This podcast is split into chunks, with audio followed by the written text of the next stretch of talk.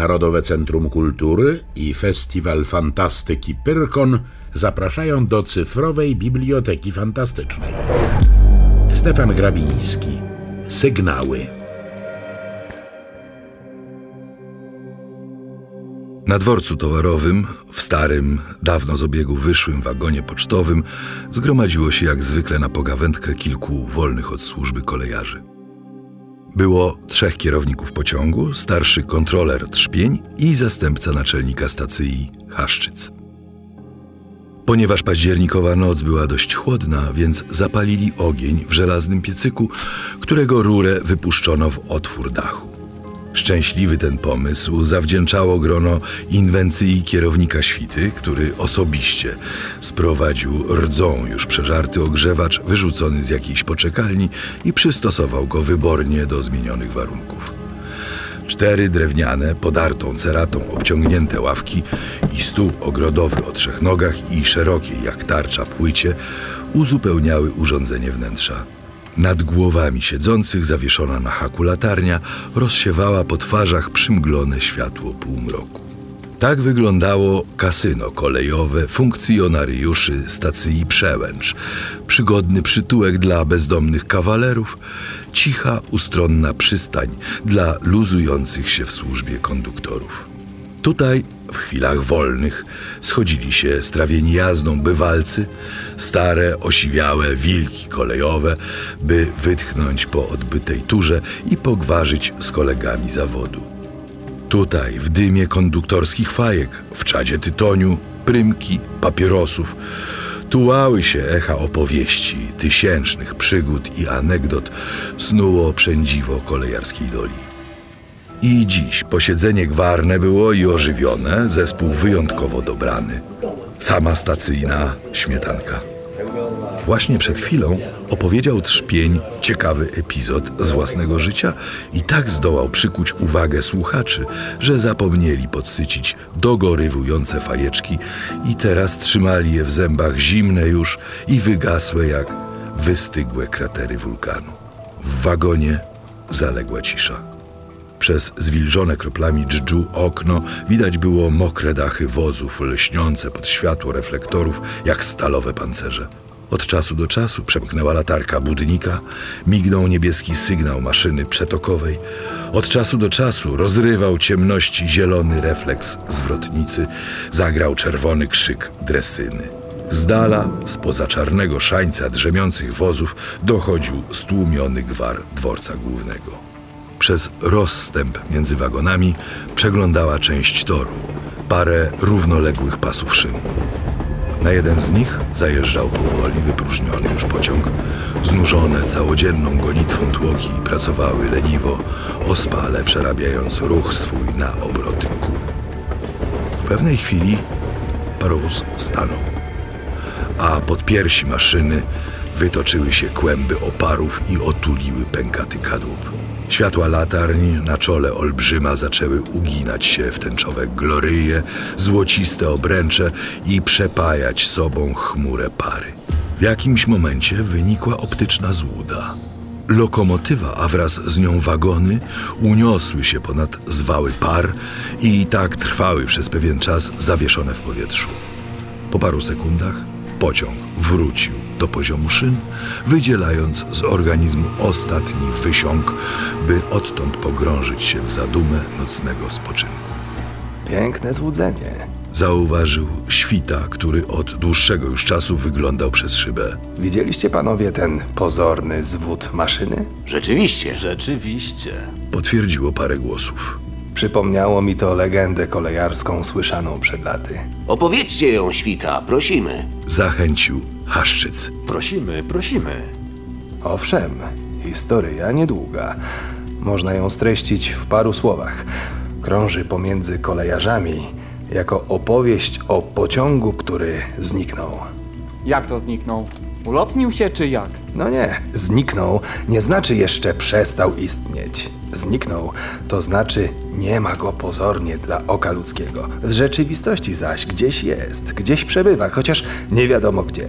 Fenomen ten miał wywołać pewien naczelnik stacji, jakiś dziwak ogromny, a może czarownik. Sztuki dokonał przez szereg w specjalnym porządku po sobie następujących sygnałów. Zjawisko zaskoczyło go znienacka, jak sam potem utrzymywał. Oto bawił się sygnałami, które kombinował w najrozmaitszy sposób, zmieniając ich następstwo i jakość. Aż raz po wypuszczeniu siedmiu takich znaków, pociąg zajeżdżający na jego stację nagle w pełnym biegu uniósł się w górę równolegle do toru. Zawahał parę razy w powietrzu, po czym przechyliwszy się pod kątem, zniknął i rozwiał się w przestrzeni. Odtąd nikt więcej nie widział ani pociągu, ani ludzi, którzy nim jechali. Mówią, że pojawi się z powrotem, gdy ktoś wyda te same sygnały, lecz w porządku odwrotnym. Naczelnik niestety wkrótce potem zwariował i wszelkie próby wydobycia zeń prawdy spełzły na niczym. Obłąkaniec zabrał ze sobą klucz do tajemnicy. Chyba wypadek zdarzy, że ktoś trafi na właściwe znaki i wywabi pociąg z czwartego wymiaru na ziemię. Awantura jakich mało. Zauważył kierownik zdański. A kiedy zaszło to cudowne zdarzenie? Czy legenda nie określiła go czasowo? Jakich sto lat temu. Pi, pi, ładny szmat czasu. W takim razie pasażerowie z wnętrza pociągu byliby w chwili obecnej o cały wiek starsi. Proszę wyobrazić sobie, co by to był za spektakl, gdyby tak dziś, jutro udało się jakiemuś szczęśliwcowi odnaleźć apokaliptyczne sygnały i zdjąć siedem pieczęci czaru. Ni stąd, ni zowąd zaginiony pociąg nagle spada z nieba na ziemię, wypoczęty należycie po stuletniej windzie i wysypuje z wagonów tłum uginających się pod ciężarem wieku stosunków. Zapomniałeś o tym, że w czwartym wymiarze prawdopodobnie nie potrzebują ludzie ani jedzenia, ani napoju i nie starzeją się. Racyja! Zawyrokował Haszczyc. Święta racyja! Piękna legenda, kolego, bardzo piękna. Umilkł, coś sobie przypominając. Po chwili, nawiązując do słów świty, rzekł w zamyśleniu. Sygnały, sygnały. Ja coś o nich potrafię opowiedzieć. Tylko nie legendę, lecz historię prawdziwą. Słuchamy. Prosimy. Odezwał się chór kolejarzy. Haszczyc oparł łokieć o blat stołu, nałożył fajeczkę i wyrzuciwszy pod strop wozu parę mlecznych kręgów, zaczął swoją opowieść. Pewnego wieczora, koło godziny siódmej, zaalarmowano stację Dąbrowa sygnałem Wozy odbiegły. Młotek dzwonka oddał cztery po cztery uderzenia w odstępach trzech sekund. Zanim naczelnik pomian zdołał zorientować się, skąd nadszedł sygnał, nadpłynął z przestrzeni znak nowy. Odezwały się po trzy uderzenia na przemian, z dwoma dane czterykrotnie. Urzędnik zrozumiał, znaczy to wszystkie pociągi zatrzymać. Niebezpieczeństwo wzmogło się widocznie.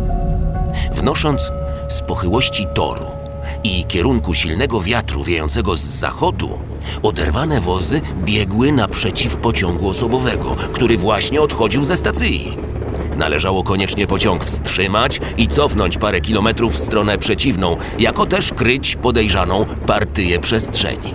Ekspedient, młody, energiczny urzędnik wydał stosowne zarządzenia. Osobowy szczęśliwie zawrócono z drogi, a równocześnie wysłano ze stacji maszynę z ludźmi, których zadaniem było wstrzymać biegnące samopas wagony. Lokomotywa ostrożnie posuwała się w niebezpiecznym kierunku, rozświetlając sobie drogę trzema potężnymi reflektorami. Przed nią, w odległości 700 metrów, szło dwóch drożników z zapalonymi pochodniami i tropiło uważnie linę.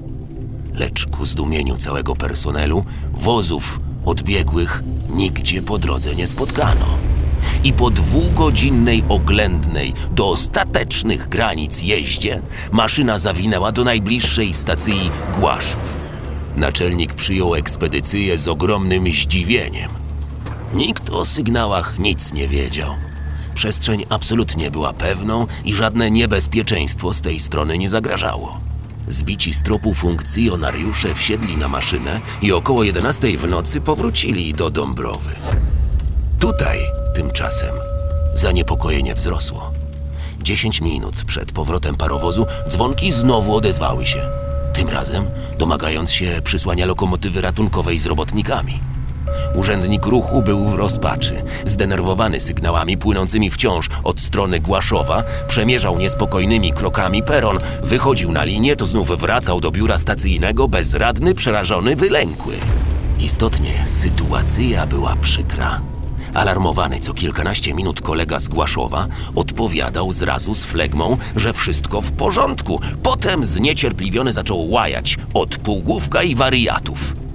A tu tymczasem szły sygnały za sygnałami, coraz natarczywiej, dopraszające się wysyłki wagonów robotniczych. Czepiając się jak tonący ostatniej deski ratunku, zatelefonował pomian w stronę przeciwną, do Zbąszyna, przypuszczając nie wiadomo dlaczego, że stamtąd idzie alarm. Oczywiście odpowiedziano przecząco i tam wszystko szło wzorowym porządkiem.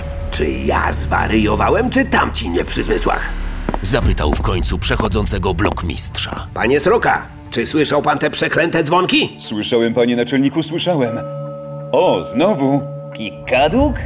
Rzeczywiście, nieubłagane młotki tłukły ponownie o żelazne kresy, wołały o pomoc robotników i lekarzy. Na zegarze mijała wtedy już pierwsza. Pomian wpadł we wściekłość. A co mnie to wszystko wreszcie do stu piorunów obchodzi? Stąd wszystko w porządku, stamtąd wszystko na miejscu. Więc czego chcesz do diabła ciężkiego? To jakiś błazen gułaszowski, figle z nami stroi, wywracając do góry nogami całą stację. Zrobię doniesienie i kwita. Nie przypuszczam, panie naczelniku. Wtrącił spokojnie asystent. Sprawa za poważna, by ją ujmować z tego punktu widzenia. Raczej przyjąć trzeba jakąś omyłkę. Ładna omyłka. Czyż nie słyszałeś, kolega, co odpowiedzieli mi z obu stacji najbliższych? Chyba niepodobna przypuścić jakichś przypadkowo zabłąkanych sygnałów z dalszych przystanków, o których by tamci nie wiedzieli. Jeśli dotarły do nas, musiały wpierw przejść przez ich rejon, więc Więc prosty wniosek, że pochodzą od jakiegoś drożnika na przestrzeni między Dąbrową a Głaszowem. Pomian spojrzał na podwładnego z uwagą. od któregoś z budników, powiada pan? Hmm, może. Ale po co? Dlaczego? Nasi ludzie zbadali przecież całą tę linię krok za krokiem i nie znaleźli nic podejrzanego. Urzędnik rozkrzyżował ramiona. Tego to już nie wiem. Rzecz można zbadać później w porozumieniu z Głaszowem. W każdym razie sądzę, że możemy spać spokojnie i nie zważać na dzwonki. Wszystko, co należało do nas, zrobiliśmy. Przestrzeń przeszukana dokładnie. Na linii nie ma ani śladu niebezpieczeństwa, którym nam grożą. Uważam te znaki po prostu za tak zwany fałszywy alarm. Spokój asystenta podziałał kojąco na naczelnika. Pożegnał kolegę i zamknął się na resztę nocy w biurze. Lecz służba niełatwo przeszła nadtem do porządku. Ludzie skupili się na bloku koło zwrotniczego i coś szeptali między sobą tajemniczo. Od czasu do czasu, gdy ciszę nocy przerwał nowy podrzut dzwonka, pochylone ku sobie głowy kolejarzy zwracały się w stronę słupa sygnałowego i kilka par oczu rozszerzonych zabobonną trwogą śledziło ruchy kujących młotków. Zły znak. Mruczał strażnik Grzela. Zły znak. I tak grały sygnały aż do pierwszego brzasku. Lecz im bliżej było rana, tem dźwięki stawały się słabsze, niklejsze. Wtem, dłuższych odstępach czasu po sobie, aż zgłuchły, bez echa, przed świtem. Ludzie odetchnęli, jakby zmora nocna usunęła się z piersi. Nazajutrz pomian zwrócił się do władz w Ostoi, zdając dokładny raport z zajść ubiegłej nocy. Nadeszła telegraficznie odpowiedź. Kazała mu czekać na przybycie specjalnej komisji, która miała sprawę gruntownie zbadać. W ciągu dnia ruch odbywał się regularnie i wszystko miało przebieg normalny. Lecz z uderzeniem godziny siódmej wieczór odezwały się znowu alarmujące sygnały, w tym samym co wczoraj porządku. Więc najpierw sygnał, wozy odbiegły. Potem rozkaz, wszystkie wozy zatrzymać. Wreszcie hasło, przysłać lokomotywę z robotnikami i rozpaczliwy krzyk o pomoc, przysłać maszynę z robotnikami i lekarzem. Charakterystycznym było stopniowanie w doborze znaków, w których każdy następny zdradzał wzmożenie się urojonego niebezpieczeństwa. Sygnały uzupełniały się oczywiście, tworząc rozerwany przestankami łańcuch snujący jakąś złowieszczą opowieść o domniemanem nieszczęściu. A jednak rzecz wyglądała na drwiny lub głupi figiel. Naczelnik wściekał się.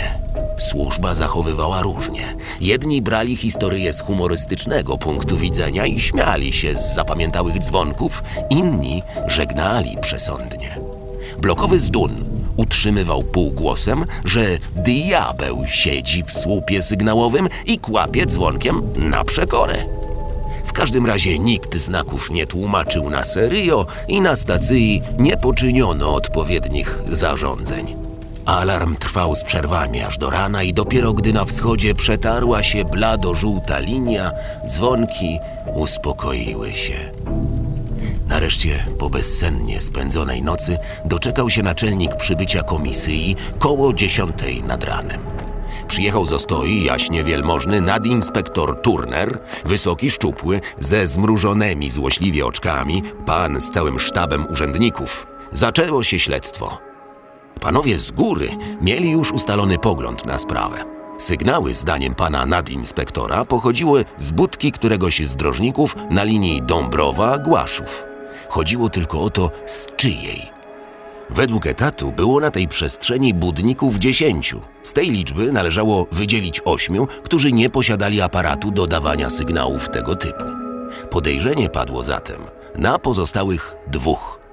Inspektor postanowił wybadać obu na miejscu ich przeznaczenia. Po sutym obiedzie u pana naczelnika wyruszył z Dąbrowy po 12 w południe specjalny pociąg z komisją śledczą. Po półgodzinnej jeździe panowie wysiedli przed budką drożnika dziwoty. Był to jeden z podejrzanych.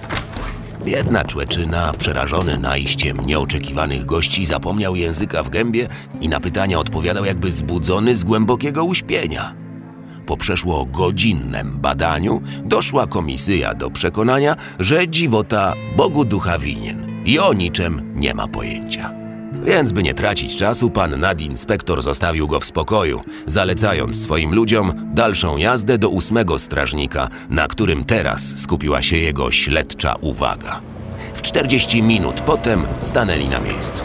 Na spotkanie nie wybiegł nikt. To zastanowiło.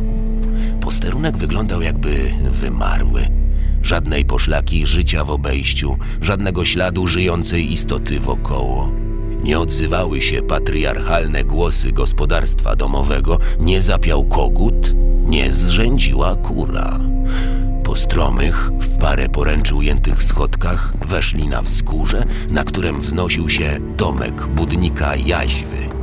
U wejścia powitały niezliczone roje much, złych, zjadliwych, brzęczących. Owady, jakby wściekłe na intruzów, rzuciły się do rąk, do oczu, do twarzy. Zapukano do drzwi. Z wnętrza nikt nie odpowiedział. Jeden z kolejarzy nacisnął klamkę. Drzwi były zamknięte. Panie Tuciak, Skinął pomian na ślusarza stacyjnego. wytrychem go. Duchem, panie naczelniku! Zaskrzytało żelazo, zachrzęścił zamek i ustąpił. Inspektor wyważył drzwi i wszedł do środka. Lecz w tejże chwili cofnął się z powrotem na podwórze. Przytknął chusteczkę do nosa. Z wnętrza uderzył okropny zaduch. Jeden z urzędników odważył się przekroczyć próg i zajrzał w głąb. Przy stole, pod oknem, siedział budnik z głową spuszczoną na piersi, z ręką prawą opartą palcami na guziku aparatu sygnałowego. Urzędnik zbliżył się do stołu i zbladłszy, zawrócił ku wyjściu. Krótkie spojrzenie rzucone na rękę drożnika przekonało, że nie palce ujmowały taster, lecz trzy nagie, okołocone z mięsa piszczele. W tej chwili siedzący przy stole zachwiał się i zwalił się jak kłoda na ziemię. Poznano trupa jaźwy w stanie zupełnego rozkładu. Obecny lekarz stwierdził śmierć zaszłą przynajmniej 10 dni temu. Spisano protokół i pochowano na miejscu zwłoki, rezygnując z obdukcji z powodu silnie posuniętego zepsucia. Przyczyny śmierci nie wykryto. Wypytywani o to chłopi z sąsiedniej wsi nie umieli dać żadnych wyjaśnień, prócz tego, że już od dłuższego czasu jaźwy nie widywano. W dwie godziny później wróciła komisyja do Ostoi.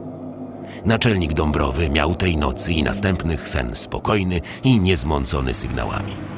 Lecz w tydzień potem zaszła na linii Dąbrowa-Głaszów straszliwa katastrofa. Oderwane nieszczęśliwym trafem wagony wpadły na pociąg pospieszny dążący z przeciwnej strony i zdruzgotały go doszczętnie. Zginął cały personał służbowy i osiemdziesięciu kilku podróżnych.